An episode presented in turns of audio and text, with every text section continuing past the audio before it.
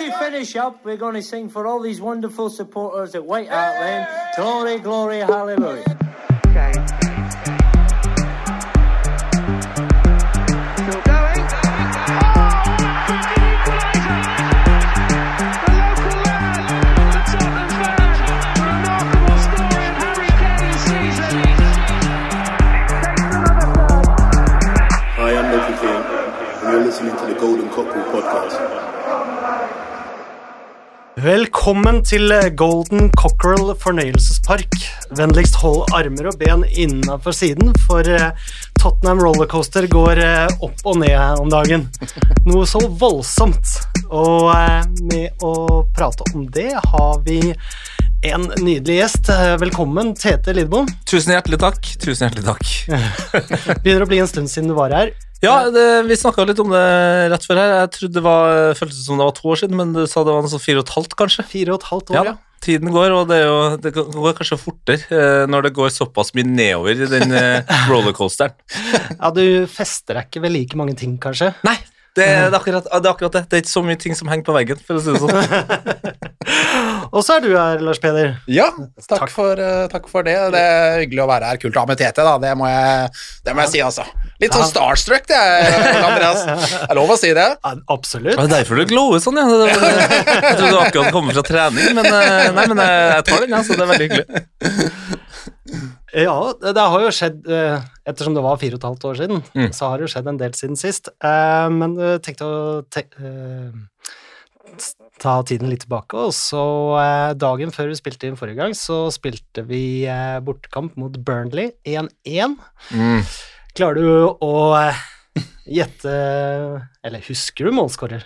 Man husker målskårer, men jeg, jeg husker stemninga etter den kampen, for det var en ordentlig drittkamp. Ja. Det var, det var liksom en av de første litt sånn tunge opplevelsene med Pochettino. Altså, jeg husker at han, du, du så at han var litt sånn Uff, det, det, det kan bli så kjipt, ja. Ja.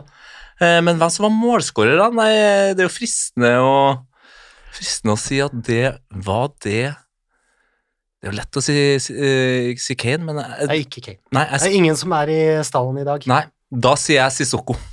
Ah. Nei, det er ikke riktig. Hva har Lars Peder? Og Christian Eriksen. Nei. Nei. Men uh, He only Cast five Mill, var det. Å, ja. det var ærlig. Det- Det var ærlig, selvfølgelig. Å, fy fader. Er det lov å si at den kampen at det, det starta litt rundt de tider, den nedturen, som vi har sett de siste tre-fire årene? Ja, jeg mener, For meg så er det starten på Ja. nedturen, selv om det skjedde jo en del gøye ting Ja, ja. parallelt da, eh, etter det. Men, men det var et eller annet med hvordan det ble 1-1 i den kampen, eh, som eh, gjorde at man innså at her har liksom troppen begynt å slå sprekker, og måten Pochettino, som hele veien fram til da virka på en måte i hvert fall ha et visst overskudd til å roe seg sjøl, spillere og media, men der, var, der mista han jo det. Ja. Da var det var ferdig for han òg, liksom. Ja. Så Nei, det, det der er en av Tottenhams tristeste øyeblikk for, for min del. Ja, nei, eh, nei, det var jo ikke gøy. Eh, og eh, det var jo ikke Det er ikke den famøse kampen hvor han går eh, helt apeshit på Mike Dean etterpå, men, Nei. eh, men Der har du òg en kamp. ja. For der mista han det veldig. Ja, ja, ja, der mista han det på den måten. Ja, her var det mer at han, det virka som vi mista litt gnisten. Eh, på Mike Dean, der, eh, der var det utrolig at det ikke ble delt ut uh, slag. han, han sto med knytta armer der og holdt seg godt fast, tenker jeg. Ja, det, det, jeg følte nesten jeg, jeg vet, jeg har jo sett det klippet for mange ganger, men det, det, virker nesten som han sier til alle andre 'hold meg fast'. Hold Ja. meg fast. At den, eh, altså, jeg, jeg kommer til å slå den hvis jeg ikke holder meg fast, liksom. Ja, men til og med han Jesus Perez var jo Mm. illsint ved siden av der. Ja. det- Ja, men vi kan jo prøve å prate om litt eh, hyggeligere ting også, selv om det går veldig mye opp og ned nå. Um, vi hadde jo en eh, to forferdelige hjemmekamper eh, mot eh, Southampton og Wolverhampton, hvor eh, alt gikk skeis. Så eh, forventningene foran Manchester City borte var i hvert fall eh, veldig lave for min del. Jeg vet ikke hva du tenkte?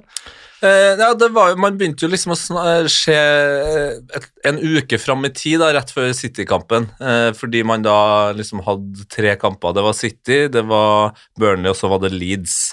Eh, og så følte jeg at de aller fleste av oss Spurs-supportere var enige om at kommer man seg ut av det her med med, med seks poeng, så er man fornøyd. Og grunnen til det var for at vi alle regna med at eh, å dra til City, det var liksom bare kun slippe inn så lite mål som mulig. Men tettere og tettere inntil kampen så er det litt sånn Er det ett lag som Tottenham de siste årene, og da snakker vi de siste ti, nesten ti årene, har hatt taket på, så er det jo City. Til og med med liksom Pep og det superlaget. Ja, ja. Så jeg, jeg kjente jo jeg satt med liksom en sånn bedre og bedre følelse.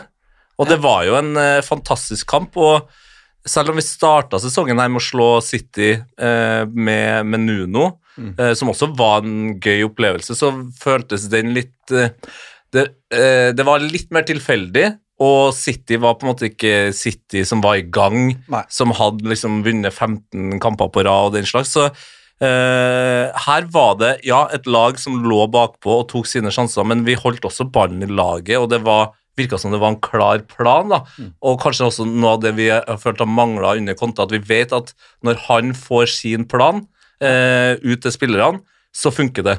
Og det gjorde det mot City. Og da følte jeg sånn Ja, men nå!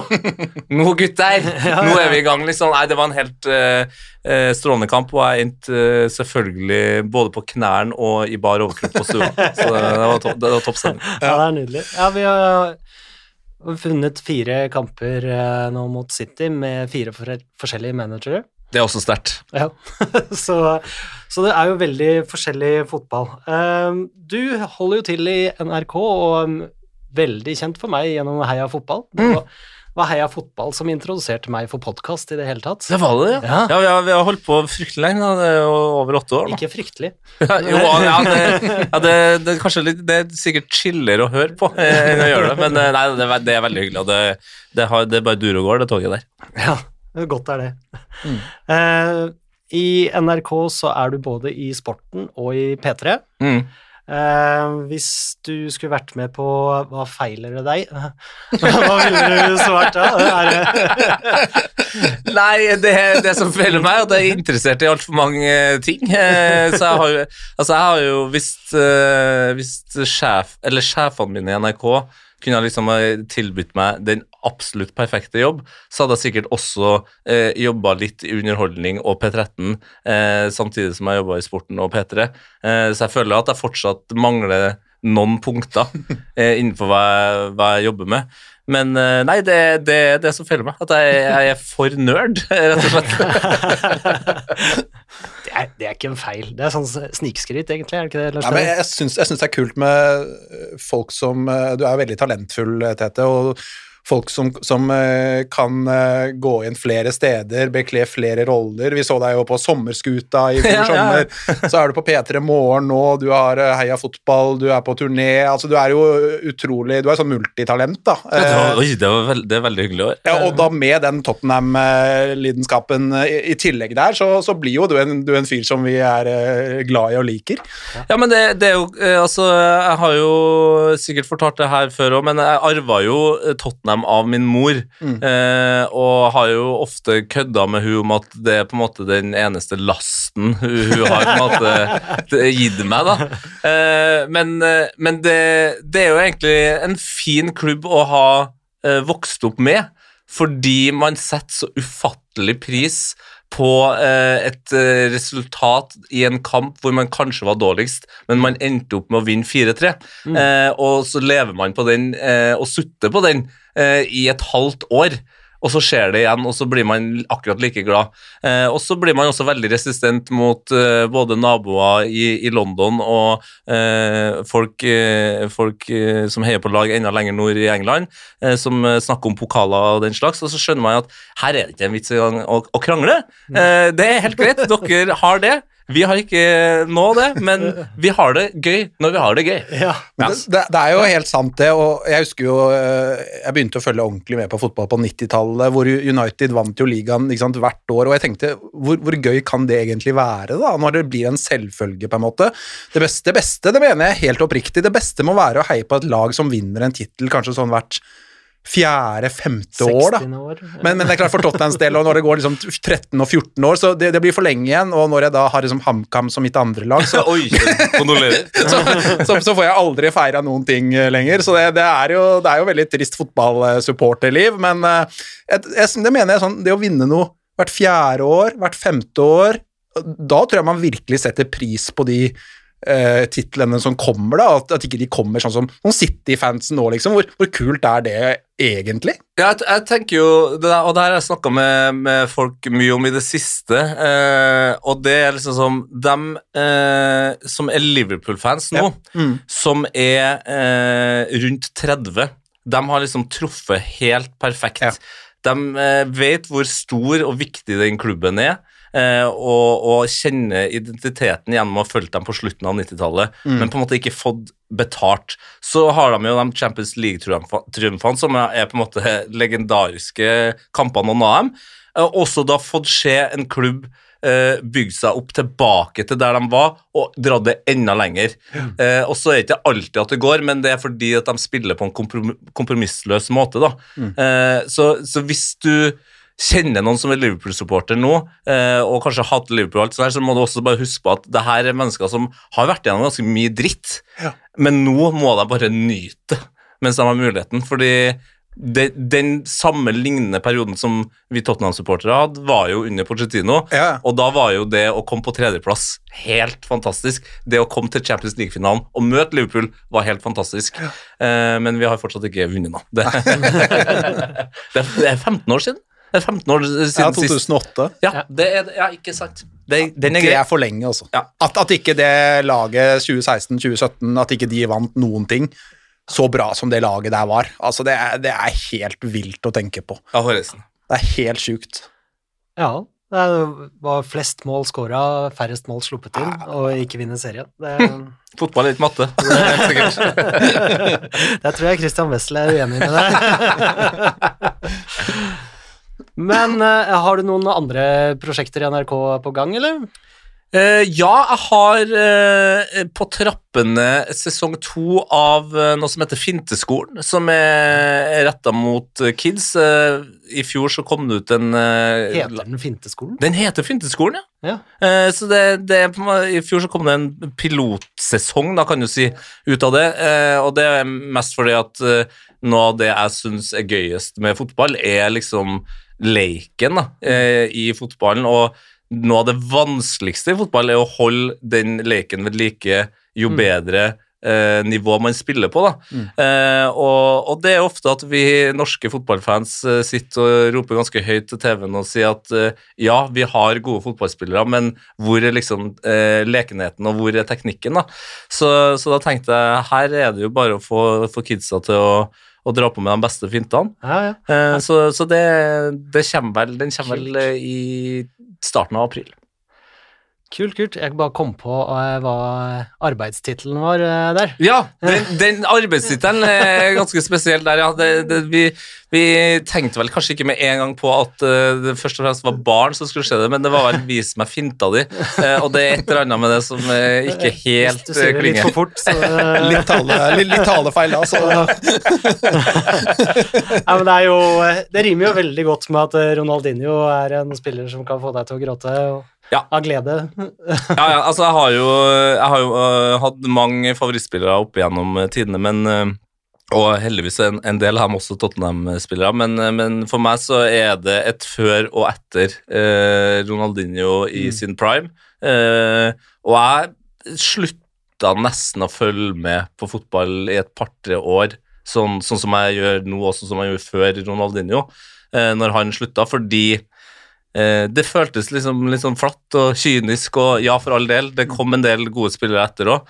Eh, og Neymar på sitt beste, da spesielt når han spilte i Brasil, var liksom i nærheten, men så var det så mye annen støy rundt. Eh, så nei, Ronaldinho er for meg eh, tidenes fotballspiller, og så kan man selvfølgelig si både at Messi og Ronaldo har fått til mer, Pelé likeså, men eh, fotball er underholdning, og Ja. det er ingen som har underholdt på et så høyt nivå som Ronaldinho. Mm. Det, det, det er min tale der.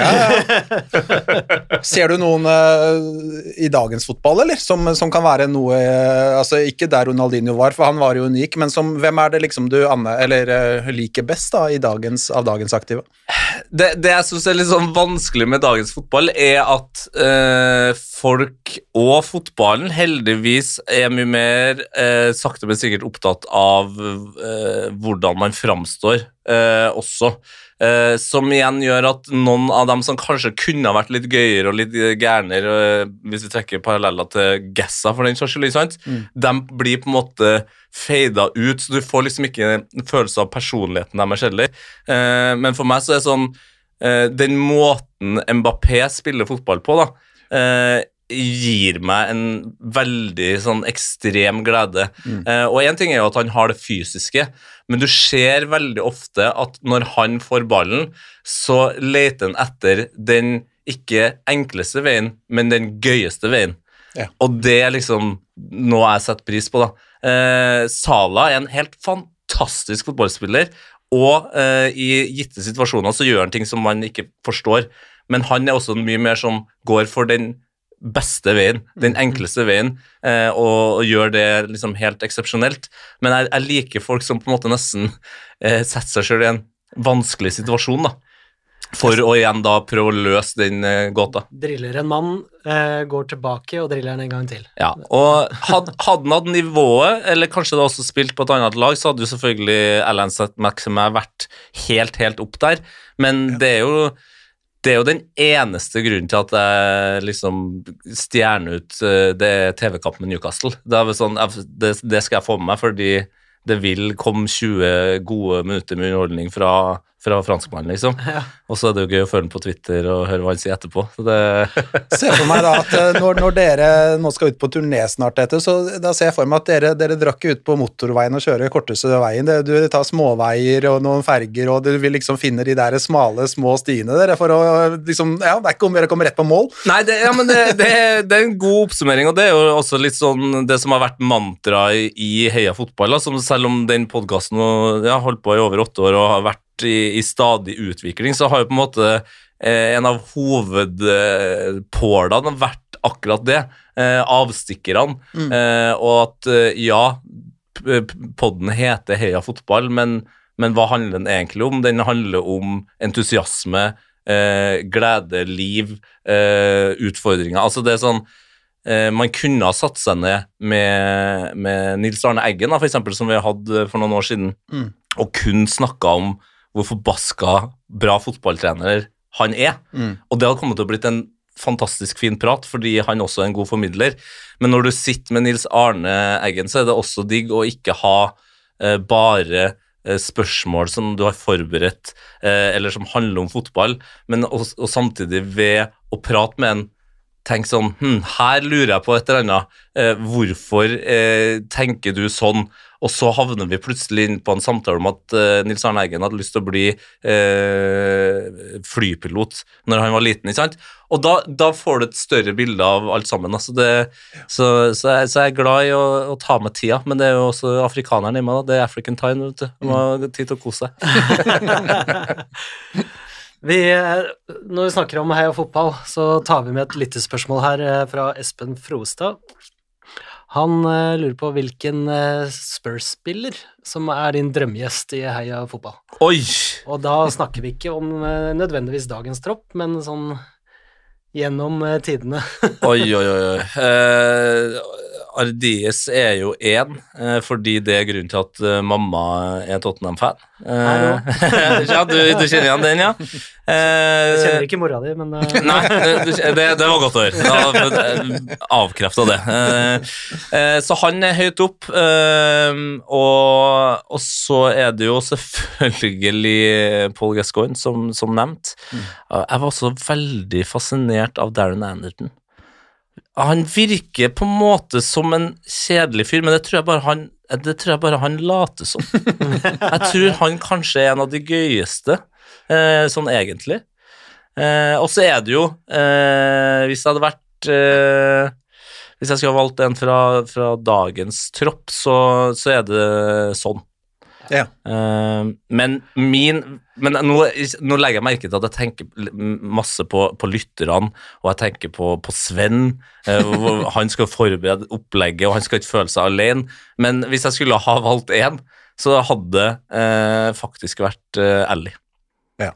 Ja. Eh, og han han kunne jeg satt meg ned med eh, hvor som helst, tror jeg, eh, uten noe forberedelse, og sikkert snakka fem forbanna gode timer med både latter, gråt og nerding, om det er gaming eller fotball eller klær, eh, og bare Ja, han eh, han er for meg et, eh, en veldig fascinerende person, og en, en sånn en type fotballspiller som jeg litt redd for at er i ferd med å forsvinne fra fotball. Ja, for jeg, jeg satt og tenkte på det da du hyllet Ronaldinho og du snakket om den typen, så tenkte jeg du må jo ha elsket Dele Alli i Tottenham, i hvert fall de, de første årene der. Ja, ja han, det, var, det var veldig sårt mm. når han forsvant nå i januar, og det, det var jo helt åpenbart at han skulle videre, men eh, jeg tror nok de aller fleste av oss tenkte at det fortsatt var snakk om eh, en låneavtale, og at det skulle Ja. være midlertidig.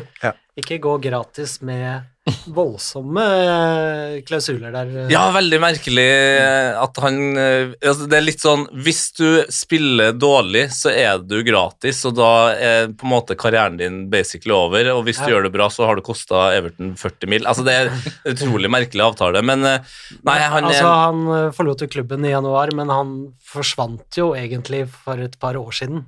Ja, han gjorde, han jo på en måte det, men han Altså Jeg tror flere av oss har glemt det, men han var den som spilte aller best eh, de første to månedene under Mourinho.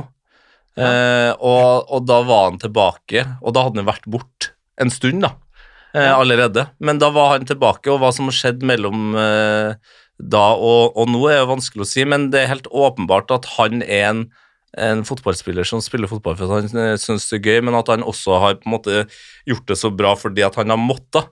Eh, Det er lett å, å glemme at England er ja, et vestlig land, men det er også såpass mange u-landstendenser at mange av de engelske fotballspillerne eh, har utfordringer som er sammenlignbare med brasilianske eller afrikanske fotballspillere, og han er en av dem. da.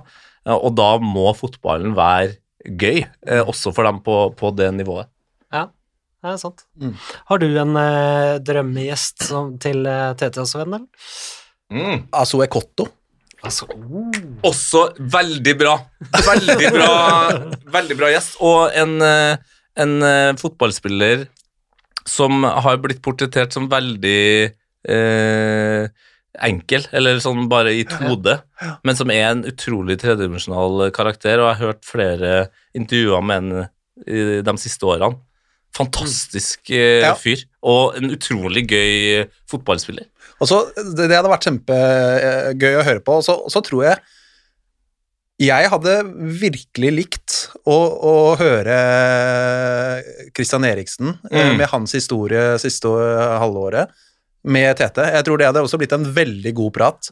Med også latter og tårer og eh, Hva sa du? Veldig annen pod enn Ja, eh, Definitivt. eh, Men, men jeg, jeg tenker at uh, vi vil jo Vi har jo fått noen intervjuer fra Eriksen og vil sikkert få flere, men jeg tror å, å sette Christian Eriksen og Tete i, i samme studio, og, og den praten der, den tror jeg hadde blitt veldig fin. Både tårer og latter og mimring og fremoverblikk og alt som er. Ja, absolutt. Og med de to Tottenham-hjertene liksom i bunnen der, da, så tror jeg at det kunne blitt en veldig fin eh, prate og høre på. Så det, det, det og, og han er jo, han bor jo i nabolandet snart. Ja, det eh, er rett borti her, det. ja, ja, så det, det, det må du jobbe litt for, Det, Det hadde vært veldig kult, altså. Jeg skal gjøre det, altså. Vi har det jo noen, for, ja, vi har noen fantastiske danske lyttere faktisk i Fotball. Eh, et par av dem eh, har vært med så å si hele veien. Eh, så jeg skal, vi skal jobbe hardt. Vi, vi var jo på jobbtur i, i København for noen år siden, og da var de med å hjelpe oss til å bare Altså, parken ble bare åpna for oss, Ja. så der eh, var vi bare og kosa oss. Det Det Kristian Eriksen han er, har rykka høyt opp på listen, for han er reachable. Det kan skje. Ja, det hadde vært kult, altså. Veldig. Da tar vi en jingle. Hi, I'm Ledley King, and you're listening to the Golden Cockerel podcast. Eh, da skal vi prate litt mer om akkurat eh, de siste kampene. Du har jo eh, Og derfor du hørtes ut som en prest, plutselig. ja. Nei, det, det er eh, Man blir jo smitta av eh, resultater. eh, Det er jo umulig å unngå. Eh, men jeg lurer på, hadde du bytta seieren mot City mot seier mot Southampton, Wolverhampton og Burnley? Eh, jeg er jo veldig dårlig i matte, men ja, jeg tror det hadde vært lurt. Ja, det, det må det ha vært. Det hadde vært Lurt. eh, så hadde det sikkert kanskje ikke nødvendigvis føltes eh, så digg. Eh, men da hadde man på en måte vært et sted der man eh, fortsatt hadde kunnet kjempe om, eh, om eh, topp top fire. Ja, det var kanskje litt voldsom eh, sving der, men eh, Men, det, men, det, men det, er go, det er et godt poeng du drar fram. Eh, og så er det jo Til syvende og sist så kjenner jeg at den perioden som har vært nå, handler mindre og mindre om poengene som er tapt, men mer om den eh, rollercoasteren som har vært. At Det har vært en så heftig berg-og-dal-bane, og én ting er at vi som fans setter oss på Twitter og jubler som eh, rakkeren når vi vinner over City og eh, går helt i kjelleren etter Burnley.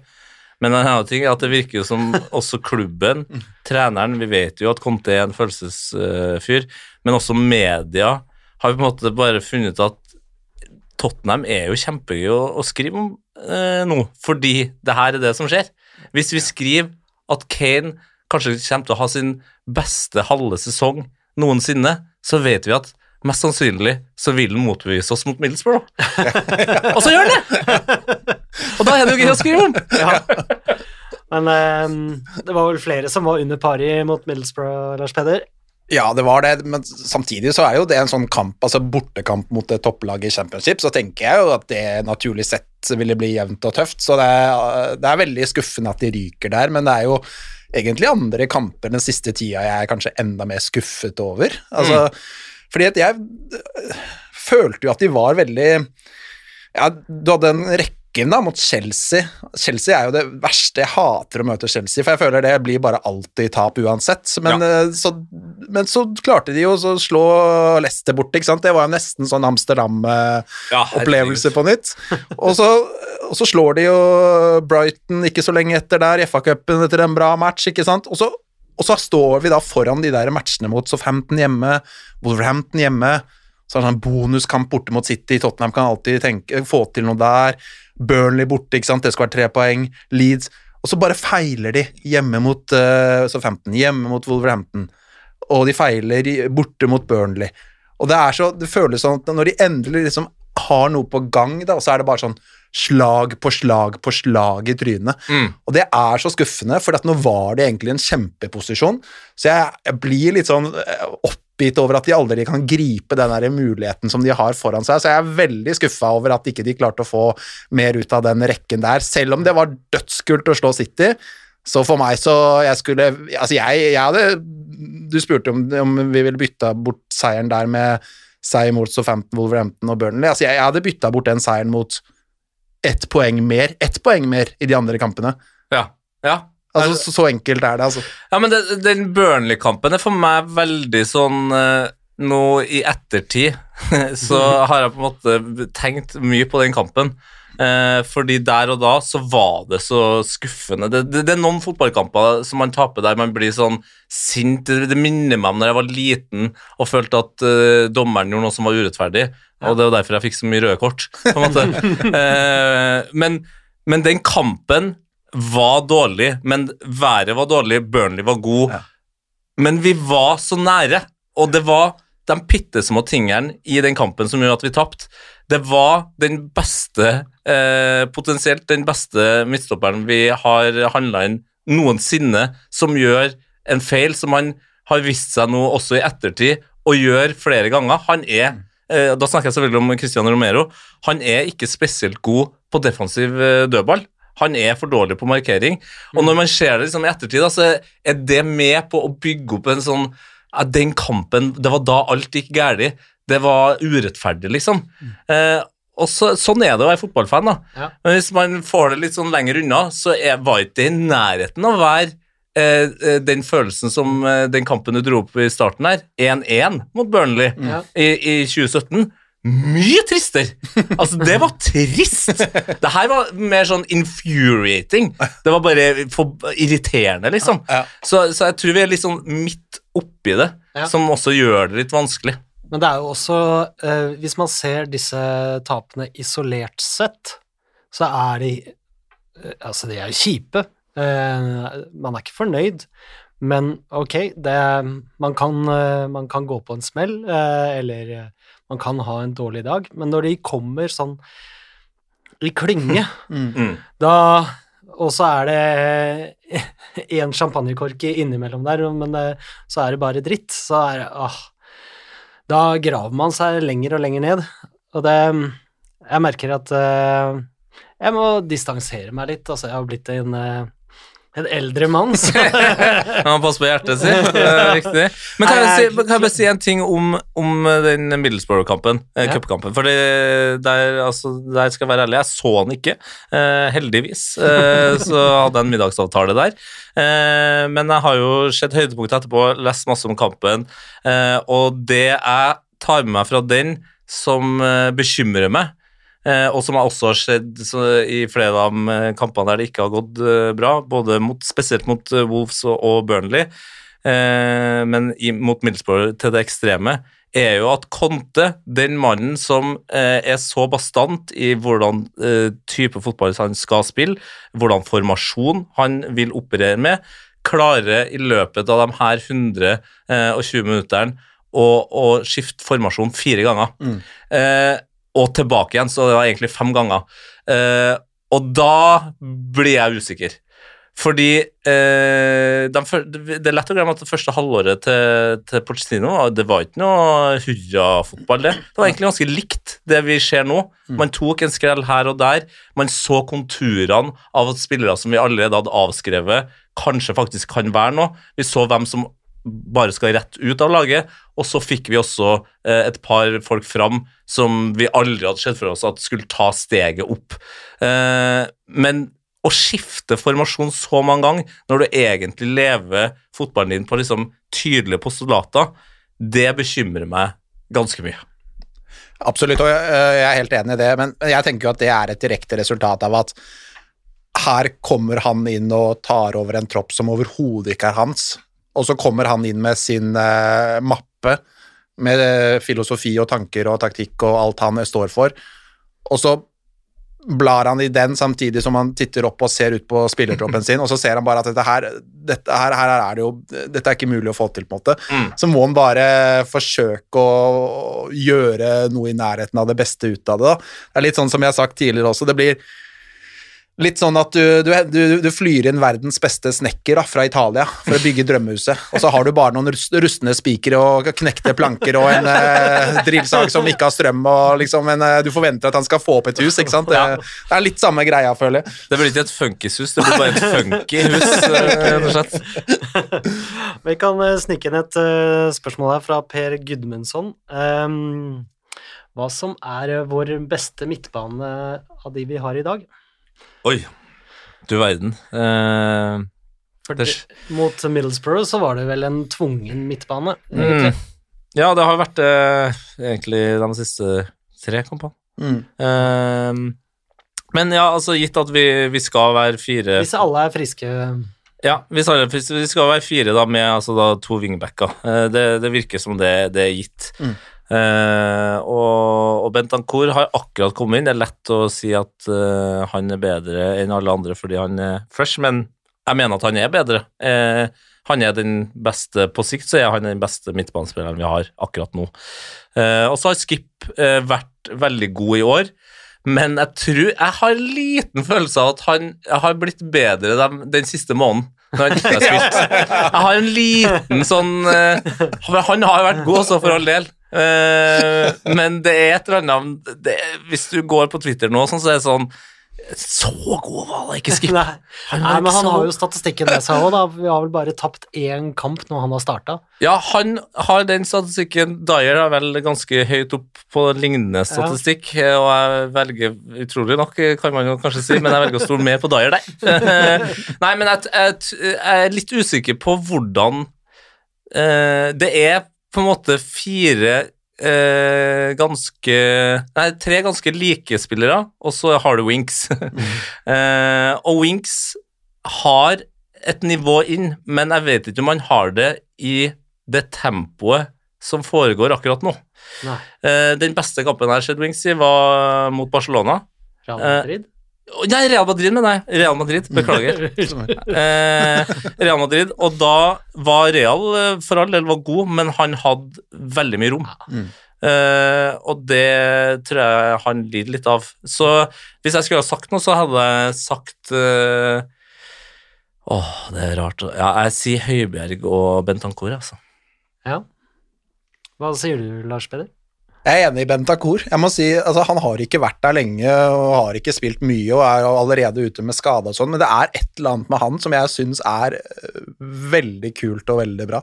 Han har en sånn litt sånn nonchalant ro. Ja, akkurat. Eh, litt sånn eh, Det ser ut som han eh, tar seg litt for god tid, men han gjør eh, egentlig ikke det. Eh, kommer seg ut av situasjoner og liksom Det ser ut som han Det ser ut som han liksom bare ah, Det ordner seg, liksom. Han, men sant, litt som vi har om før, han ser ut som en fyr som syns det er gøy å spille fotball. da. Ja. Og han er ikke redd for å spille fotball. Nei. Mot City så var han veldig god. Han var også den som mista ballen i en del farlige situasjoner, men også i de situasjonene der det gikk bra, så var det hans ro som fikk oss nærme målet. Ja. Så, og det, det er liksom mm, Vi vet alle om Spursy som uttrykk og som tilstand, og han, har, han tror jeg vet hva det er. Nei. Og det tror jeg kan være en veldig fin ting å ha inn på den midtbanen der. Jeg er helt enig. Så det, har han litt Det gjør vel ikke Kulusevski heller?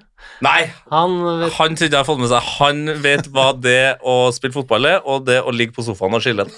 Og han, han har den samme roa i begge, begge sammenhenger. ja. Altså, jeg vil gå for Bentancour. eh, han er litt den derre Han føler jeg lever litt opp til eh, to dare is to do. Altså, han, mm. han tør å ta den såledragningen inni egen 16-meter og kommer ut av det, liksom, og er en kul spiller. Han tror jeg kan bli veldig bra.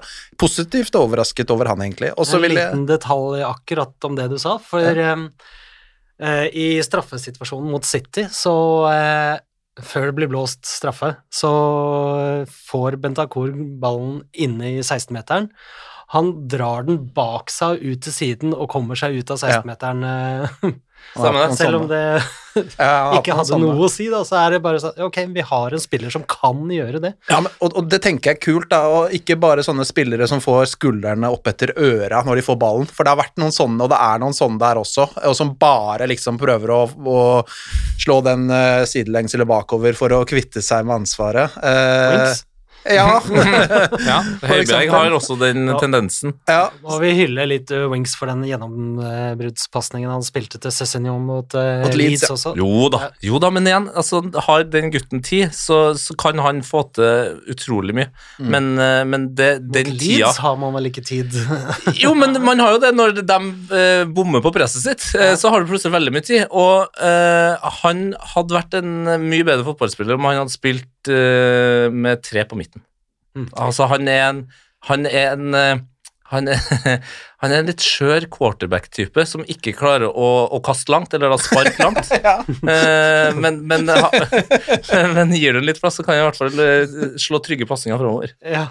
Jeg, sånn- jeg, tror han hadde, jeg tror han hadde kost seg veldig i Serie A eller La Liga eller et eller annet. Ja, ja, 100% Han hadde herja der, altså. Apropos eh, La Liga, Brian Hill eh, herjer jo der. Skal spille Klart han gjør det. Copa del Rey-finale og greier. Ja, ja. Det er godt for gutten. Ja. Ja. Og så Skip, som Ja. andre mann. Skip Du som kjører skip, ja. ja det, var, det var mellom Høibjerg og skip eh, det sto for, for meg òg. Ja. Eh, eh, det jeg ikke tar, tar med når jeg, når jeg sier det her, er at jeg tror at Høibjerg er en av dem som har eh, tatt prisen for eh, at det ikke var noen andre når han var der. Ja. Eh, antallet kamper han har spilt det, det siste året, og da også med, med Danmark, og det ansvaret han har på Danmark, som er, er, utrolig nok er større enn det han har for Spurs, har gjort at han, han Du ser at han Det skal ganske lite til før han mister fokus. Et fokus som han hadde i det første å, halvåret når han kom til, til Tottenham. Så han virker bare litt uh, utbrent, uh, rett og slett. Jeg er enig, og jeg er helt enig, og, og jeg må si at uh, jeg, jeg syns Høiberg får litt mye pes. Jeg syns han Mm. Han, øh, han har Det er helt riktig som du sier, han har spilt vanvittig mange kamper. Jeg er helt enig i at Høibjerg ikke har øh, vært spesielt bra i det siste, men da folk liksom begynner å snakke om at han er totalt ubrukelig, det, det er jeg ikke enig i i det hele tatt. Han er på sin måte i gitte kamper, i gitte faser, i gitte situasjoner, så er han, eh, så er han eh, gull, han altså, men, eh, men du får ikke en sånn fullstendig komplett pakke med Høibjerg, men fyren, eh, fyren fortjener respekt for, eh, for den, eh, de, de meterne og, og de literne svette han legger ned i Tottenham, altså, for det, det er dønn ærlig arbeid derfra, altså. Ja, så tror jeg det er lettere Jeg tror det er lettere å uh, se bort ifra hva han gjør uten ball, fordi han er en så uh, bråkete type, mens, mens Skip er jo den personen som på en måte lister seg rundt og ordner og styrer i bakrommet. ikke sant? Så, så, så det er lettere å gi Skip kreden for, for basically mye av det samme arbeidet som også Høiberg gjør. Ja.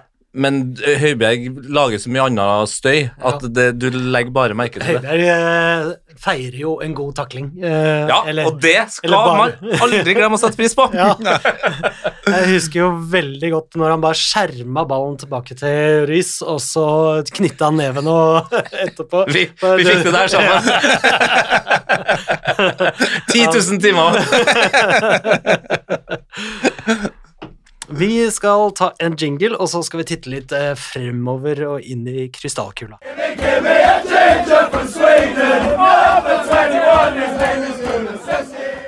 Da er vi tilbake, og vi skal uh, titte litt framover. Uh, vi har uh, en rekke kamper nå fram mot Newcastle. Du har sett litt nærmere på de, Lars Peder. Ja, eh, det kommer jo kamper, slag i slag nå. Det, jeg føler det er mange, det er mange tøffe kamper eh, som eh, kan vinnes hvis eh, Tottenham eh, leverer, og så kan de veldig fint eh, tapes også hvis eh, Tottenham eh, er der vi har sett dem litt for ofte. De har Everton nå, da, på mandag. Og så har de. United Den er, den er tøff. altså Jeg tenker at det er eh, en Delali-skåring eller to der. Er ikke det litt skrevet i stjernene? Det er veldig skrevet i stjernene. Blir, blir det jubel da, eller? Jeg ser for meg at han bare går banan, jeg. Han er typen til det, liksom. At Ja. han ikke han, Jo. Jeg tror ikke, jeg tror ikke han uh, hysjer Nei. Nei. Og, Nei. og det håper jeg at han ikke gjør. heller. Det, det, Ja. det er en veldig rar Ja. greie, det der. Jeg tror jo han eh, eh, Hvis han kommer innpå, så Mm. tror jeg han får eh, rungende applaus fra hele stadion. Ja, det tror jeg også. Ja, ja, ja 100% Del Ali-sangen fra Tottenham-supporteren nå. Oh, we, we had Ja, Del og, og så ko- kontrer eh, Everton-supporterne med at eh, he cost nil mil. He only cost one and nil mil. ja, den er fin. Men så er det jo en kamp som jeg ser veldig frem til, da. United borte. Eh, Det er en sånn kamp jeg eh, tipper at Tottenham plutselig kan, eh, kan eh, heve seg igjen, da. Mm. Det er jo en sånn match som eh, jeg tror egentlig Tottenham eh, kan vinne, egentlig, fordi at eh, United skal ut der, og de har mye å bevise, og de må vinne, og de må styre, og at Tottenham kan klare å legge en plan der eh, gjennom en lang uke.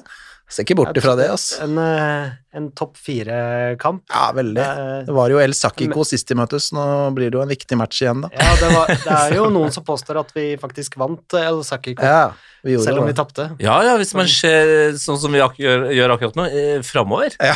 så vant vi Sakiko som bare det. Nei, den kampen der er jo veldig interessant eh, av flere grunner. og Det er jo det presset som vi nå opp, kanskje opplever litt at Tottenham-spillerne føler på, på, på hjemmebane, kan du gange opp med åtte Ja. eh, i, for United sin del. Eh, og det har jo liksom vært tydelig på resultatet deres, og de, de er anspent når de spiller på, på Old Trafford. Eh, og nå har, jo, har vi jo en eh, gæren brasilianer som har uh, lada i noen uker her, eh, og han trives jo på, på den banen, så kan, jeg ser fort for meg at eh, Lukas eh, setter i gang et Lukas-kjør igjen. Eh, så det hadde vært eh, gøy. Jeg er veldig spent på hvordan den kampen eh, går, rett og slett. Veldig. Skal du se den sammen med Sven, eller? Eh, han, nei, kommer vet du da- han kommer ikke hit, eller? Du, Nei, jeg, jeg skal langt av sted. Jeg skal, uh, gjør, da skal, den kampen skal skje på en av mine favorittmåter. uh, nemlig mens uh, musikken eh, dunker som høyest, og den enkleste drikken å, å bestille annet enn øl er en bøtte med vodka Red Bull. Red Bull. Eh, Jeg skal til Thailand eh, i tre uker, så, så den skal jeg se der, altså. Så det blir, blir spennende. En bøtte med vodka, da kan jo til og med Matt Hockerty se ganske ålreit ut. Faen, han er god, ass! Fy faen, det er bra spiller, ass! Eh, Etter det så har det vel Westham, er det ikke det? Brighton først borte. Brighton først borte, det ja. tøff, vet du, og så kommer Westham hjemme. Westham er alltid Det er grusomt. det er grusomt. Westham har blitt eh, altså Chelsea har man jo eh, aldri syntes det har vært noe gøy å spille mot, det er for at man alltid taper. Westham har blitt det, det nye, altså. Ja. Og det er så utrolig Og det er jo sånne, sånne kamper der Tottenham virkelig eh, ikke helt skjønner at de må gi alt. Ja. At, det, vi skjønner ikke at for Westham så er det gøyere å slå Tottenham enn omvendt. Ja. Ikke sant? Og det, det virker som det er noen av spillerne som har skjønt, og nå som Westham har blitt såpass god, så er det bare så ubehagelig å se på. Jeg er bare sånn, Hva er det vi driver med? Men, men sånn, sånn føler jeg det er i flere. Jeg tenker på Chelsea også. Så Chelsea kan være litt ute av form og sånt. De var jo det da de møtte Tottenham nå sist, og hadde ikke vunnet på noen kamper og sånt nå. Så føler jeg alltid Chelsea stepper opp mot Tottenham. De skjønner på en måte hva dette handler om. Mens Tottenham stepper ikke opp på samme måte. Nei. Litt det samme med Tottenham mot Westham også. Jeg syns det, det er for mange kamper der Tottenham eh, møter et lag som på en måte skjønner hva dette går ut på. De stepper opp, Tottenham gjør det ikke, og så blir man klådd da, av et sånt lag som man egentlig skal slå. I hvert fall Westham er jo egentlig det. Ja. Så den der 3-3-kampen for et par år siden, for eksempel, den kommer jeg aldri til å glemme. Det var 3-0 Et par til var år 80 siden, andre er minutt, eller? andre og sånt, ja. Det er, det er helt Det var jo eh, Mourinho da.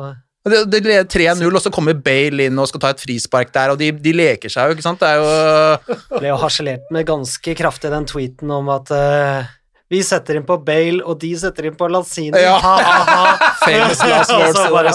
Ja.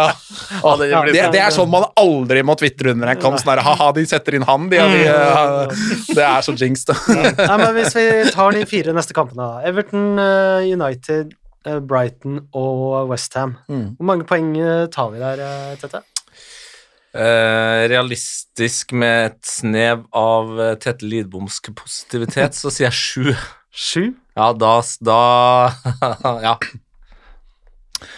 Oi, ja, det er vanskelig. Jeg må prøve å ta det litt sånn. Jeg tenker Everton hjemme, United borte. Jeg skal si fire da, på de to kampene, tror jeg. Brighton borte, ett kanskje, da er det fem. Westham hjemme. Så legger jeg en liten sånn eh, Jeg frykter at den kanskje blir bare ett, seks, kanskje. Det er lite, da. Seks poeng på fire kamper. Ja, da kan Nei, du ryke på tre resultat og allikevel få seks poeng. Ja, da, det er jo ganske er safe poengsum, da, for du kan få mange ulike resultatutfall der. Da er vi ubeseira, da, på de eh, Ja, ja seks poeng av ubeseira, sier jeg faktisk. Jeg gjør faktisk det, men, eh, men det, er, det er jo for lite. Altså, hvis de skal kjempe om noe topp fire, så må de ha ti, i hvert fall, tenker jeg. Ja, absolutt. Eh, og det er, jo, det er jo fullstendig mulig, men det, det blir veldig spennende å se uh, hvor eh, viktig den uh, Middlesbrough og FA Cup-kampen egentlig var. Mm. Det som var veldig fascinerende å se etterpå, var jo eh, hvor rolig Conte var, med tanke på at det var under en uke siden han eh, Folk trodde at han eh, skulle, skulle eh, si opp. Ja. Ehm, selv om det kanskje ble blåst opp i proporsjoner. Så, så Nei, jeg er veldig spent på hvordan, de, hvordan det, liksom, reaksjonen nå mot Everton er. Ja. Hvordan er liksom stemninga i, i laget. Og, altså, vi har jo ikke engang snakka om at at Kane og sånn er liksom historisk nå. Eh, og, og Kane spilte en så god kamp, ja, mot et Leeds-lag som var fullstendig liksom på rakning, men, den pasninga han spiller til sånn, hadde jo vært eh, fabelaktig om det bare var på treningsfeltet med dem to Ja. sammen. Så hadde det vært eh, imponerende. Og gratulerer at du får til det. Så, så dem kan jo eh, Det kan være flere grunner til at de ikke leverte mot eh, Middlesbrough, om det er både for at de er slitne og for at de bare ikke hadde eh, liksom gnisten, da. Men den gnisten bør være der i, i, mot, mot Everton og i Premier League, fordi det er nok dessverre den eneste sjansen for at Kane gjør det samme som sånn, eh, å bli i Tottenham Mm. I flere år. Ja. Det er at vi får Champions League, eh, eller i hvert fall at man føler at man har muligheten til å få det til. Ja, Ja. for um, uh, Jeg har jo tenkt på dette selv også, og um, hvis nå uh, Nå var rollercoasteren nede, så da skal vi opp mot Everton. Og så tror jeg også at eh, egentlig eh, United kan, kan passe oss bra på Old Trafford. Mm. Eh, det er ikke vi som skal ut der og måtte vinne. Um, og så eh, får vi vel en smell mot Brighton, da, og så Og så får vi reaksjonen mot Westham igjen, så jeg, går, jeg går for ni poeng, jeg. Men det, er- det er typisk, jeg tenker, altså, Nå var jeg litt sånn, telte ett poeng der, tre poeng der, ett poeng, men jeg tipper Everton hjemme, den kan de plutselig vinne 3-0, Tottenham. Mm. Altså, og så United borte, gjør en ganske bra kamp, kanskje får med seg et poeng, kanskje de vinner 2-1, så går de på en kjempesmell borte mot Brighton, plutselig. Men igjen, fordelen med Brighton, og det, det har vi jo akkurat skjedd, er jo at Brighton spiller eh, possession-fotball. Mm. Og de spiller på Tottenhams eh, styrker. Ja. Så Brighton, selv om de nærmest sånn på papiret kanskje er det laget man eh, er mest redd for, på et eller annet sånn merkelig vis, så er det den kampen jeg er mest sikker på at vi kan få tre poeng fra. Mm. Jeg bare kommer ikke over den der, det var jo vel første kamp etter 2-7 hjemme mot Bayern. Da møtte de også Brighton borte. Ja. tenkte jeg, nå slår de tilbake. Liksom. Så spilte de bare tidenes verste kamp. Oh, Hugo eh, Loris ut med den der skulderskaden. Ja, det er sant. Og det, det, er den mest tottenhamske som har Ja. Hadde det skjedd i en annen klubb, så hadde Hugo Lloris Ja, han hadde blitt skada, men han hadde blitt skada etter 40 minutter. ja. Men det var liksom alt bare skjedd i starten her, og du bare så Det var liksom publikum bare Nei, hva faen er det vi er med på, liksom? Hva er det her for freakshow? Og så bare gir alle sammen opp. Og bare Nei, vi må dra hjem snart. Liksom. Jeg er ferdig, altså. Men fremover nå så blir det jo eh, plutselig lørdagskamper eh, klokka fire og gode gamle tippekampen istedenfor søndag eller Nå skal vi riktignok spille mot, eh, på mandag mot Everton, og så blir det vel søndagskamp mot United. Mm. Men um, dette med én kamp i uka, Lars Peder, det, det vet jeg du har tenkt en del på. ja. og, og Kante Og hvordan det funker. Jeg ble litt nysgjerrig på det etter den eh, City-kampen, var vel det. Eh, jeg var jo oppe midt på natta og så eh, tremila i OL, Ja. og da fikk man jo litt tid til å la vandrene, tankene vandre mens Johaug gleda med et kvarter der òg. Så begynte jeg også å se litt, og så tenkte jeg det er jo ganske lenge siden de spilte kamp før de møtte City der. Og så begynte jeg å sjekke litt også disse andre kampene de har spilt, som egentlig har vært kanskje de beste under eh, Conte. Tenkte på den FA Cup-kampen mot Brighton, var jo bra. Eh, tenkte på eh, Hvilke kamper var det jeg tenkte på? Eh, det var vel eh, Ja, det var i hvert fall et par kamper til der som eh, Liverpool Liverpool-kampen hjemme der, ja. ja, ja. ja. Eh, og så var det vel uh, Ja, den uh, Leicester-kampen borte også var jo også veldig bra. Skapte jo masse, den kampen der. Og felles for alle de kampene var jo at uh, Conte hadde jo hatt en uke, eller mer, på feltet før den kampen. Mm. Um, og jeg tenker at det kanskje ikke er helt tilfeldig. Og så kan man selvfølgelig si at ja, det er alltid en fordel å, å, at ikke kampene kommer tett, men ofte så er det jo sånn at når det er to kamper i uka, så har jo også motstanderne Så det er ikke sånn at det er en eh, disfavør Tottenham. altså Motstanderen også hadde jo en kamp for tre dager siden, kanskje. Ja. Men det virker som Conte klarer å han bruker den uka veldig godt. Da. De spiller ofte gode kamper når de har hatt en uke til å forberede seg til en kamp. Eh, jeg tror det er det kanskje Conte elsker mest. Da. Det er sånn, ok, nå har vi Om det så er City borte eller Leeds hjemme eller hva som helst, nå har vi de om en uke. Ok, nå skal vi jobbe inn mot den kampen, legge en plan. Da føler jeg ofte vi får se ganske gode prestasjoner. Men når kampene kommer sånn annenhver dag eh, omtrent, ikke sant? Bare sånn kamp ferdig, bare restituere et kvarter, og så er det på bussen til ny kamp. Mm. Da føler jeg ofte at de ikke leverer noe særlig, selv om motstanderne har like tett kampprogram. Så det er et eller annet der, da. Så det at det kanskje ikke blir så mange kamper nå utover våren eh, Det blir jo færre nå, er det ingen andre kamper enn Premier League. Kanskje kan det være mm, hell i uhell, da. Ja, nei, det er veldig fascinerende. Altså, øh, først øh, så, så tenker jeg på at Conte hadde kommet til å vært en helt forferdelig championship-manager. Eh, det, hadde han jo ikke. Han kunne jo ikke spilt kamp hver tredje dag hele året.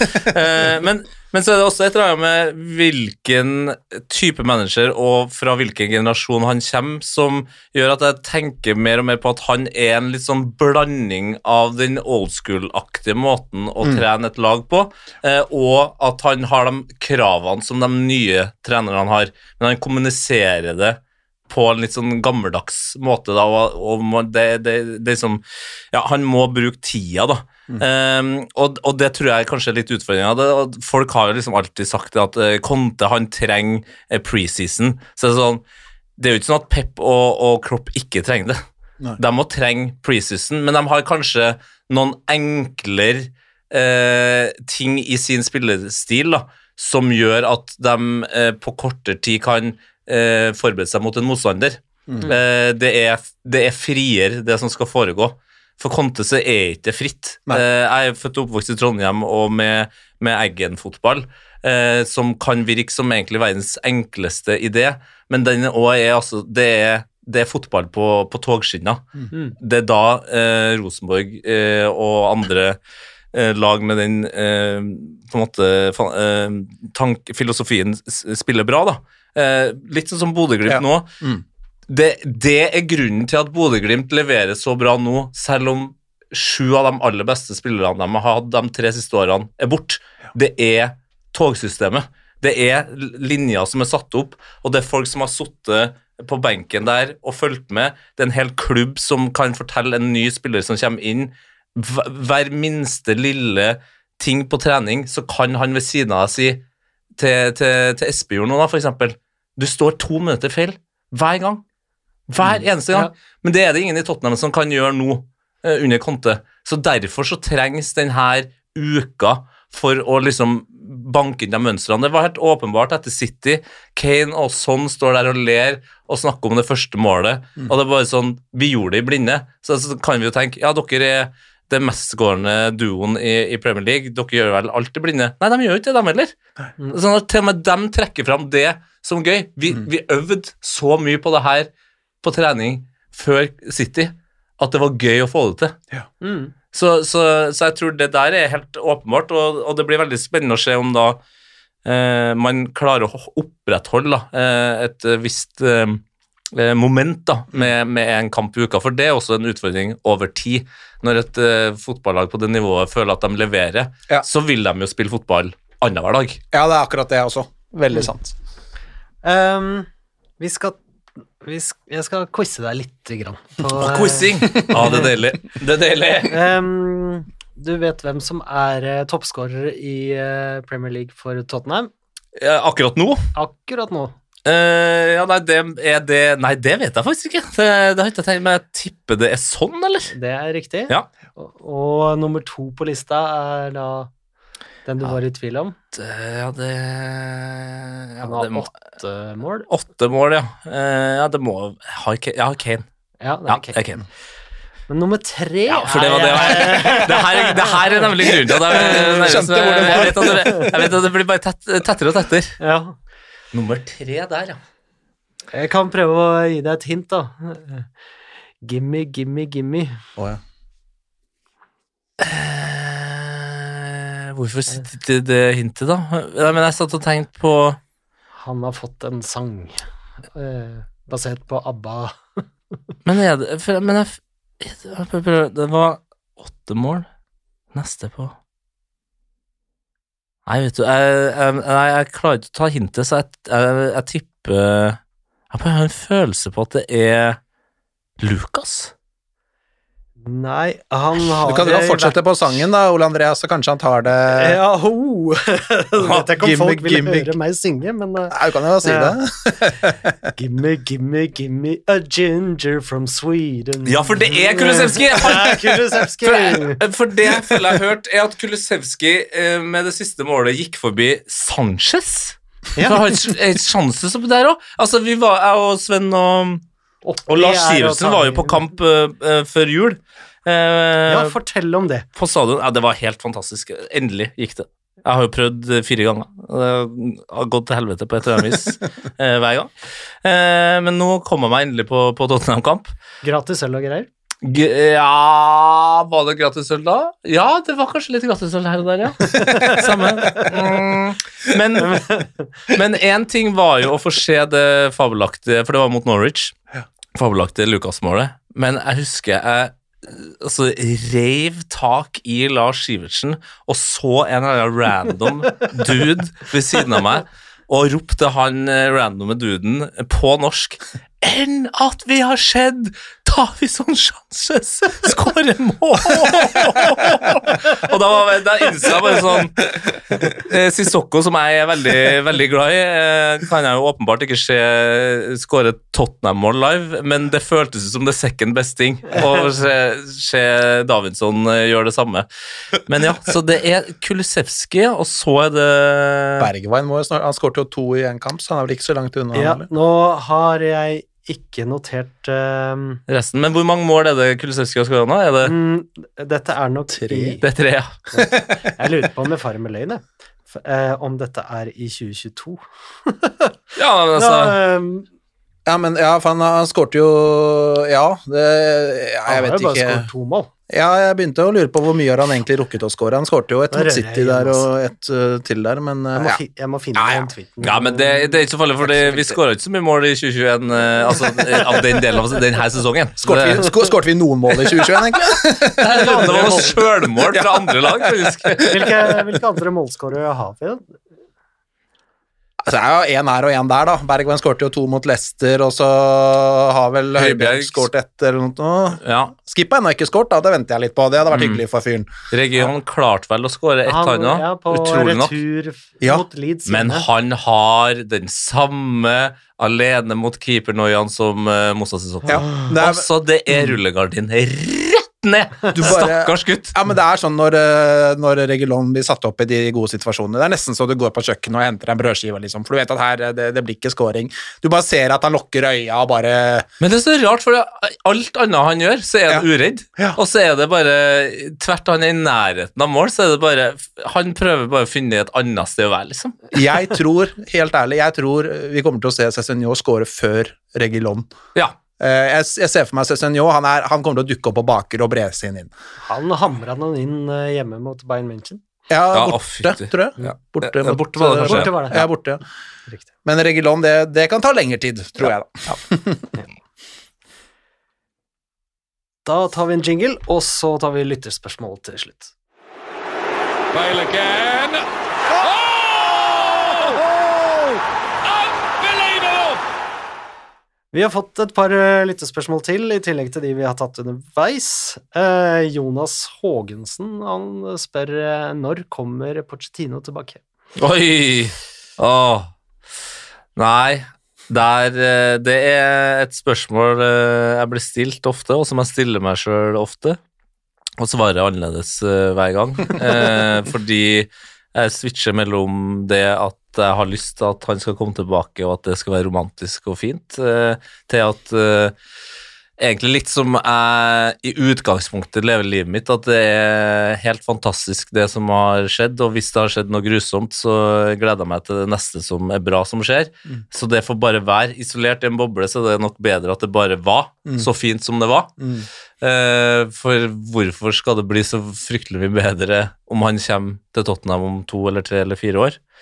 Så eh, nei, jeg, jeg tør ikke å håpe på det, og jeg håper i hvert fall ikke at det skjer eh, med det første. Eh, Så hvis jeg skal svare, så sier jeg han kommer tilbake om 15 år. Oi! 15 år! Da er jeg klar for det igjen. Ja. eh, jeg håper at uh, jeg fortsatt har synet i behold og Jo da, men du er, du er ikke så gammel! Jeg tenkte den teknologiske utviklinga på de 15 årene. Ja, det Ja, ja, altså De brillene er bytta ut med andre greier. uh, eh.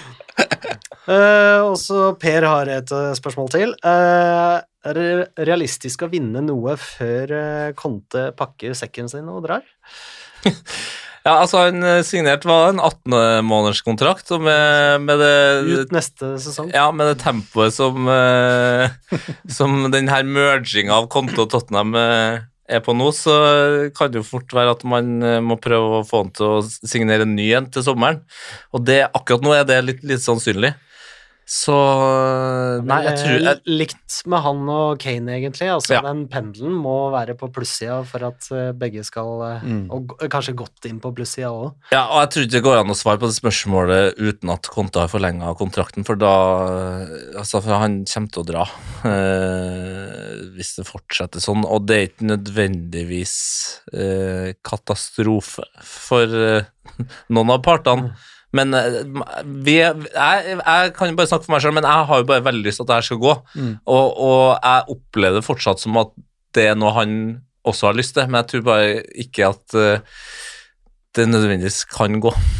Nei, det er, jo- det er jo fryktelig Altså, hvis de først skal ha han, da, tenker jeg, så får de i hvert fall eh, støtte han 100% og gi han alle de verktøyene som denne snekkeren fra Italia trenger, som vi snakket om tidligere, ikke sant, og det jeg tenker jo denne sommeren her da, vil jo gi veldig svaret på det. Jeg tenker Det er jo et overgangsvindu som vil definere Tottenham voldsomt. Nå har de jo en manager som har oppnådd enormt med suksess de siste årene. Han har jo tatt lag som har uh, levert uh, dårlig, og tatt dem til seriemesterskap året etter, og omtrent alle sammen. Og uh, har jo nå et Tottenham som eh, har prestert dårlig, og hvis han eh, Hvis ikke de støtter og backer Conte nå, så ja, da, da, da, da mener jeg det også sier ganske mye, da. Ja, og da, og da tenker jeg jo at det, beste for, for klubben og fansen og at vi innser at Ja. liksom Da er den epoken som starta Kanskje også faktisk litt før Pochettino, men den som starta med Pochettino, den er over. Og så må vi huske på hvilket Tottenham-lag vi faktisk begynte å heie på. Altså, du skal være ganske voksen for å forvente så veldig mye mer enn det vi faktisk har fått òg. Eh, så, så da er liksom Da er en sjuendeplass og en jævlig gøy bortekamp mot City eh, faktisk eh, kjempefint. Og at man har eh, gøye spillere, og at man spiller morsom fotball, er kanskje det viktigste. Vi, vi, vi ble såpass glupsk i løpet av den Pochettino-perioden, selv om vi ikke har noe vist det som, som klubb, da, eh, pokalmessig, at, at vi, har satt, vi har satt eh, lista for høyt. Eh, og, og derfor så har vi også tatt inn Mourinho, eh, Conte nå, men, men ja, det er kanskje nå, etter den sommeren her, da, vi får, får vite hvor veien skal videre for, for, for Tottenham. Hvor er det vi eh, må forsterke først og fremst, da? Altså, Jeg hører jo at alle snakker om uh, høyre wingback, uh, for der har vi Royal og Dorothy akkurat nå. Uh, men, men minst like viktig er jo midtbanemann nummer to. Bentancour har nivået inn, og de andre vil også ha nivået inn i en rotasjon, Ja. tenker jeg. Men vi må ha en som er enda mer toveisspiller, eh, og som da først og fremst har sine styrker framover kreativt. Eh, det er det som, som, som mangler aller mest. Eh, sånn Det som, Christian Eriksen var for oss. ikke sant? Og det var jo en Når var det? da? Er det en måned siden man fikk altså Conte som, som eh, fikk med seg at, eh, at Eriksen signerte for, for Brentford, og, og så ble liksom utfordra Jeg husker ikke hvilken journalist det var, men når han begynte å, å snakke om at eh, de hadde et godt forhold, og at det hadde vært veldig fint å ha han inn, og det var også noe Bale-prat der, at begge dem skulle tilbake. Og jeg bare nå, må, altså, Championship manager, nå, nå, nå chiller vi litt grann her. Men ja, Eriksen er en sånn type, men uh, han skal bare få lov til å kose seg enn så lenge. Jeg jeg jeg tror ikke han trenger å bære Spurs sine byrder på, på sine skuldre akkurat nå. Um, Morten Lensberg spør eh, om eh, favoritt eh, eller chant og drakt. Eh, Favorittdrakt kan vi jo starte med, og det er ganske vanskelig, men jeg har en eh, Det er vel en eh, fra 98 90, Nei, det er 2000-2001. Eh, Holsten lurer jeg på om det er lo, nei, reklame. Som jeg fikk eh, oversized gave av eh, en Manchester United-kompis, faktisk. Eh, Thomas eh, Antonsen. Sønn av eh, den fantastiske sangeren Marianne Antonsen fra Fredrikstad. Eh, også gitarist i et eh, band som heter Kombos, så shout-out til han. Eh, han altså, jeg bare fikk den, plutselig, av ja. han. Han bare kom over den på, på eBay. Så det, det er favorittdrakten. Den er hvit og blå. Ja. Det er ikke noe annet kødd. Men det skal også sies at jeg elsker det vi alle trodde var tredjedrakta i, i år, men som utrolig nok er andredrakta vår. Altså, LSD-dryppet er en fabelaktig drakt. Og jeg, jeg gleder meg så sykt til det blir sommer og varmt nå, og jeg kan begynne å matche antrekk etter. og, og, og finne sneakers som bare passer perfekt til den drakta. Ja, jeg kjøpte den til dattera mi på fire år. Hun bare Jeg håper våren kommer snart, så jeg kan gå i den. Spørsang Spurs-sang ja.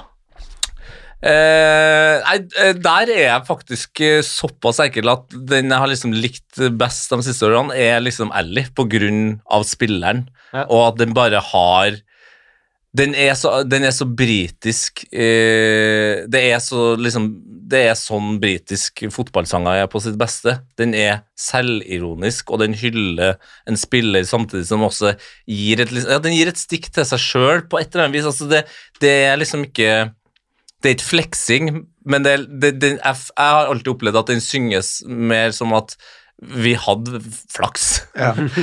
men nå er den vår, liksom, og her er den.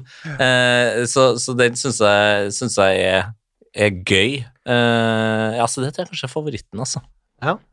Og så har vi spørsmål eh, som er eh, firedelt. Da. Oi! Du skal ha nåværende spiller eh, som du eh, kunne tenke deg å ha vært. Mm. Eh, nåværende spiller du kunne tenke deg å reise på ferie med. Lage radioshow med, og gå i krigen med. Oh. Og litt, eh, litt for aktuelt den siste der, dessverre. Ja. Nei, men, eh, men eh, nåværende spiller gjør det jo selvfølgelig vanskelig, for man mister jo flere av mine favoritter som nylig har dratt, og eh, også en Dombelé er jo en av dem. Eh, han, han kunne jeg gjerne dratt på ferie med, for det tror jeg hadde vært chill. Altså, hadde han kunne ha lært meg en og annen ting om, om styrketrening. Det er lov å utvide Nei da, men jeg, jeg har eh, jeg har forberedt meg. Jeg skal se om jeg er tro til, til det jeg noterte først, for det her spørsmålet fikk jeg jo eh, på forhånd. Eh, Men eh, den spilleren jeg er hypp på å være, da, da, da gikk jeg kynisk til verks. For det er sikkert mange som vil ha sånn Nei, Harry Kane han er den beste, liksom. Men han er også 20 Han blir 29. Eh, Jeg er sjøl 35, jeg kan gjerne få et par år til.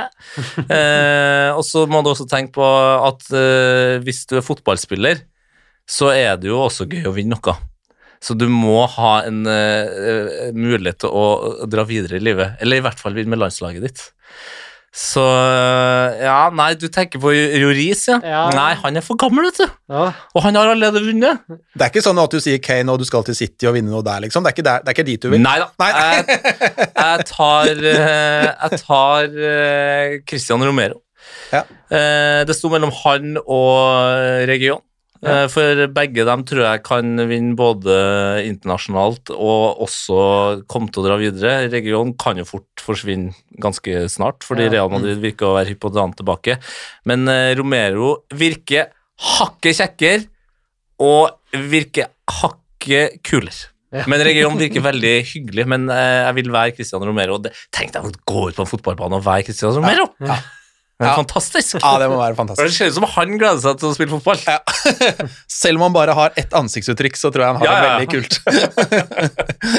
uh, Og så eh, radioshow var eh, Radioshow var en der. Den var, den var klink. Eh, Den var kjempeenkel. Eh, Det er en fyr eh, jeg skal lage en eh, reisepodkast med, eh, hvor vi skal spise mye god mat og le masse.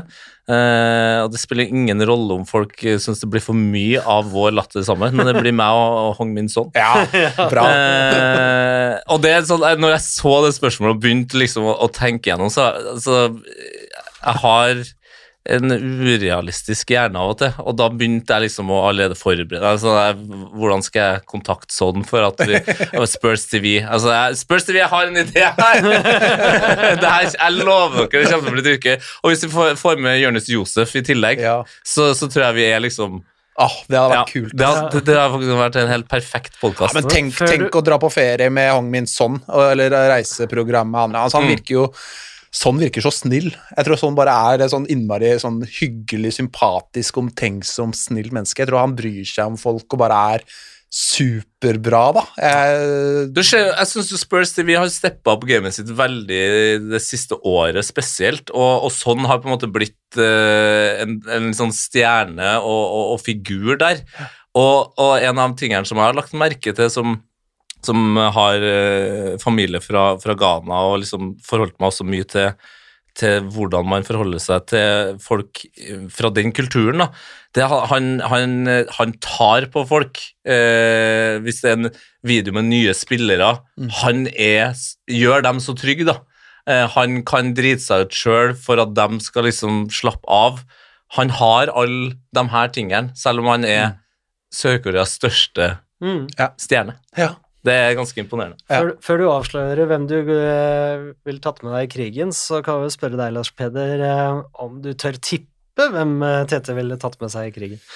Av dagens Tottenham-spillere Mhm. Uff, er, som du sa, det ble jo litt for aktuell uh, tematikk, dette her, da. Men uh, vi må jo Skal vi se om jeg ville Tete tatt med i krigen.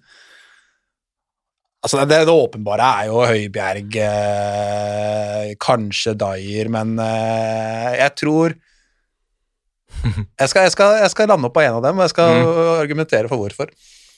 Jeg tror Tete hadde tatt med Høibjerg eh, foran Dyer. Jeg tror det er ganske jevnt sånn når det gjelder hvem de er, og, og hva Tete føler han får av beskyttelse av eh, de to. Men jeg tror liksom når de har en time på kvelden her, så kan de si, sammenligne litt tatoveringer, og da har de litt å snakke om der også. Så jeg tror det ble Høibjerg. Ja, det er imponerende. Der traff du veldig godt. Uh, Høibjerg er min mann i krigen. Det hadde selvfølgelig vært Sissoko eh, hvis han fortsatt var der. Uh, men uh, ja, egentlig mye av den samme grunnen, men også bare eh, fordi jeg hadde Det sto mellom Dyer og Høibjerg, men jeg hadde allerede valgt Dyer som den jeg ville ha reist med. Ja. Han kan så mye språk, og han er en figur som har vokst på meg. Og jeg er en eh, Når jeg er og reiser eh, Jeg skal straks til Thailand med, med kjæresten min. Vi er sånn som Vi drar til et sted, og så vil vi oppleve kulturen og landet. Det gjør at du av og til havner i situasjoner som kanskje ikke er helt eh, det, det er ikke liksom den ferieturen til Marbella, liksom. Eh, og da er det greit å ha en fyr som, eh, som kan gå opp eh, på en tribune som har plass til 25 000 for å beskytte broren sin, og også mest sannsynlig kan språket. Eh, og som virker som en Altså, Dyer har vokst så mye på meg eh, de siste par årene, og jeg beklager ofte inni meg sjøl til hvor mye jeg liksom har uh, tatt ut mitt eh, Tottenham-sinne ut på han. Men han virker som en helt Altså, hva er det de sier? Hel ved. Ja. Altså, der har du hel ved. Nydelig fyr. Ja, han er det. Og så tenker jeg den kritikken han fikk for et år siden, to år siden, den var jo egentlig fortjent der og da, for han var jo veldig svak. Men jeg, Mm. jeg syns det er ingenting, og det mener jeg, det er ingenting som er kulere enn spillere som har vært avskilta. Vi ønsket jo, De fleste av oss ønsket han solgt i fjor sommer, vi var så lei av Dyer. Det er ingenting som er kulere når, når de spillerne løfter seg og blir viktige bjelker i et lag og bare slår tilbake. Jeg syns det er kjempekult. Det er så rått. Skal vi avslutte med tre spørsmål uten betenkningstid? Oi! Tre Eh, kjappe. Jepp. Kommer Tottenham i topp seks denne sesongen? Ja. Kommer Tottenham i topp fire? Nei. Hva blir resultatet mot Everton? 3-1 til Tottenham. Og tusen takk for at du Eller eh, jeg sa kom. nei! Altså, for å være positiv. Ja, ja, sånn er det når man må Ta så, ta så bare, nå, skal jeg, nå skal jeg gjøre forvirringen komplett. Ta så Still de to første spørsmålene til meg. Kom, kommer Tottenham topp seks? Nei. Kommer Tottenham topp fire? Ja. Ja, det er godt. Tusen takk for at du kom hit til oss, eh, Tete. Du, tusen hjertelig takk for invita- det har- invitasjonen. Det har vært superhyggelig. Eh, alltid hyggelig å snakke med, med likesinnede. Og så kom jeg, på- jeg kom på en ting. Eh, apropos Jonis Josef. Eh, for den podden her er ut før mandag, ikke sant? Ja, den kommer nok ut uh, fredag formiddag. Ja. Altså, jeg regner med at alle kommer til å se den kampen, men de som på en måte var på vippen Jonis Josef kommer til å være i studio i TV 2. Oi. Uh, og jeg vet at det nå er 99% sikkert at han skal framføre et eget skrevet dikt. Så Oi. mandag har blitt den nye lørdagen, eh, i hvert fall eh, med tanke på neste uke. Jeg måtte bare huske på, Ja, ja, huske på å si det. Dere Ja, hørte det her er først.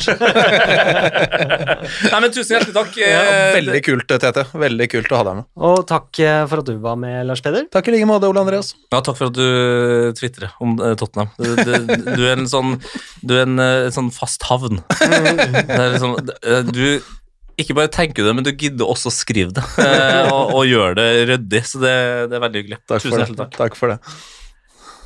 Og da avslutter vi med Come on, you Spurs!